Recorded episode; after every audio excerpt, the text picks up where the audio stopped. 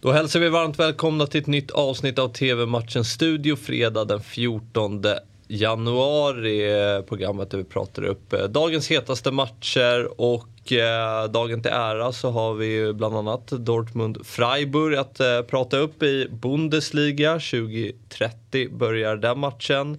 Eh, Freiburg som har varit lite av ett överraskningslag i Bundesliga den här säsongen. Man ligger fyra, har 30 poäng tog 45 poäng i fjol. Så, mm. det så det ser på, på, en sån här klassisk jämförelse, eh, year on year som man ja. brukar prata om, så ser det bra ut mm. för Freiburg.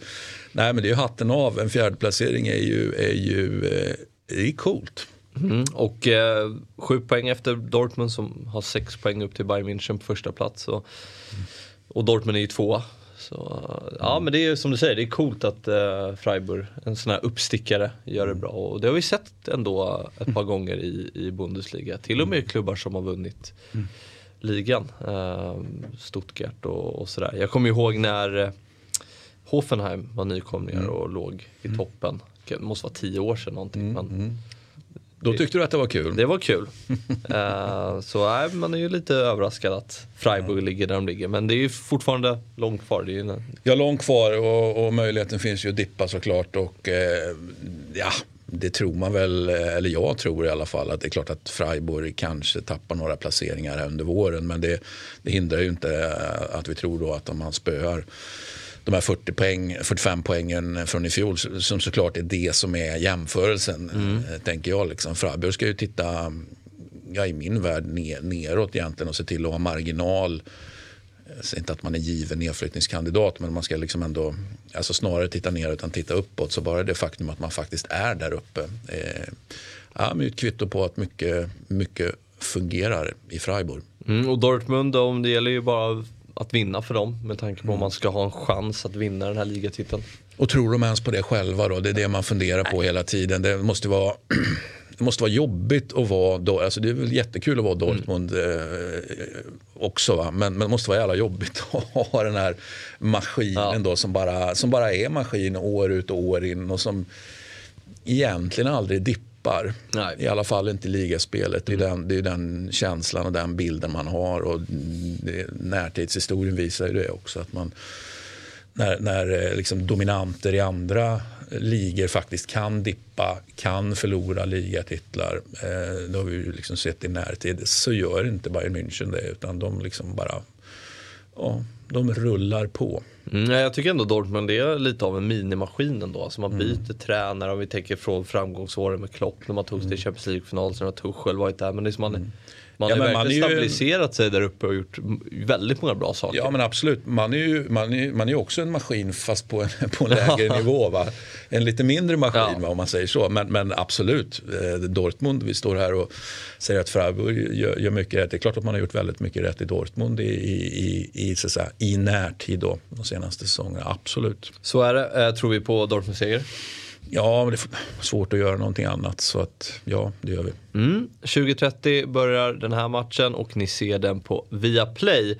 Nu till Liga och mötet mellan Nice och Nantes. Och eh, Nice är ju också ett lag som går starkt, precis som Dortmund och Freiburg. Man ligger tvåa med 36 poäng, har visserligen 11 poäng till PSG på första plats, vilket blir tufft att hämta ikapp. Och jag mm. ser att du sneglar på... Eh, vi gillar ju att prata om eh, klubbmärken här. Va? Det, Fastnar mycket när det är just Liga också. Ja, men det, det, det efter finns lite sköna där. Va? Ja. Men jag tycker väl ändå Niss här är lite, ja men, ja, men det är väl fint mm. klubbmärke. Eller vad säger du Fabian? Ja men jag gillar det. Um, är det till och med relativt nytt? Har de uppgraderat?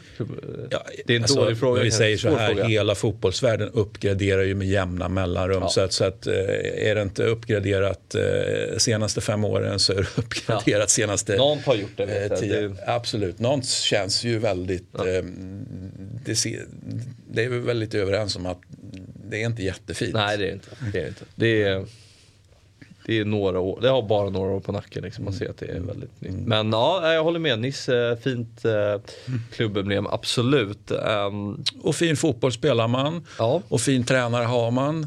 Och nu kan jag än en gång då prata om Stefan Galtier som ju då är regerande eh, mästare då. Mm Inte med Nice, utan Med med, Lille. Eh, och så tog han och flyttade till Nice. Och Varför? Så, Låter ju... Nej, men det är en jättebra fråga. Det var ju ett eh, ägarbyte i Lille, det är möjligt, och ett sportchefsbyte. Det är möjligt att det har, har påverkat. Eller så kände han att ja, men jag gjorde det jag skulle nu. Jag tog över efter Bielsa, stadgade, såg till att vi faktiskt klarade eh, så säga, kontraktet första säsongen. Flyttade fram positionerna rejält andra säsongen och sen då den ja, jag ska inte säga att den var otrolig, men man, man detroniserade ju ändå PSG tredje, tredje säsongen liksom och vann.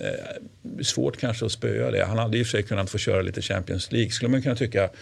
skulle kunna vara Det lite spännande. stimulerande. och- Ja. Men han hade ju, han hade ju många propåer, eh, Gaultier, och eh, ja, men har ju vetat vad han har gjort helt enkelt. Han är ju otroligt, eh, otroligt stabil. Han var ju stabil i, i Saint-Étienne innan han lämnade på eget bevåg där. Stabil i Lille, eh, stabil i Nice. Liksom. Det här är en stabil tränare, Gaultier. Mm. Stabilisera saint Etienne, det behöver man kanske få någon som gör just nu. Ja, om vi säger så här, det- Saint-Étienne fungerar ju väldigt bra så länge han var där. Va? om man nu ska hårdra det lite grann. Sen har det inte gått riktigt lika bra. Det har ju, och den här säsongen så går det ju käpprakt åt helvete. Nantes ligger nia på 29 poäng så de har 7 poäng upp till Nice som är tvåa. Så det är ändå ganska tajt där på den övre delen av, av tabellen. Eller övre halvan. Ja, men det är ju det, är det här ett, ett eller två resultat i rad som går i en viss riktning så, så, så åker ju klubbarna upp och ner på ett... På ett eh, där, och där känner jag väl att Nantes, ja, det, där, där riskar man ju lite mer i min värld i alla fall. Att det skulle inte jag förvånad om man, om man, man kan gå in i en lite mer så säga, negativ trend. Och, eh, men det, det ser jag inte riktigt att, att, att det händer i Nej. faktiskt. Där känner jag liksom att Nice är topplag un- under Galtier, så är det bara. Och då vinner man idag. Man vinner idag. Mm. Innan vi rundar av ska vi ta en titt på fotbollsexperten och eh, helgens kupong. Och, eh, ja, det är ju idel fina matcher vi, vi ser här. Vi har bland annat ett eh, toppmöte i Premier League mellan Manchester City och Chelsea. Vi har ett London-derby mellan Tottenham och Arsenal och så har vi Atalanta, Inter, en hög eh, intressant eh, drabbning i toppen Ja. av Serie A. Jag har alltså kommit till det här momentet i TV-matchens studio där jag eh, berättar om exakt hur många ettor som kommer. Och det brukar alltid vara en stor majoritet Ja. ettor. Börjar det inte bli lite tradigt? För vi gör ju aldrig någon återkoppling, aldrig någon bokslut på hur det har gått. City vinner, ja, där har vi på etta igen. Ehm, ja, Aston Villa vinner. Tanke, ja, jag känner också lite grann att det är lite villavarning på eh, matchen mot, mot United.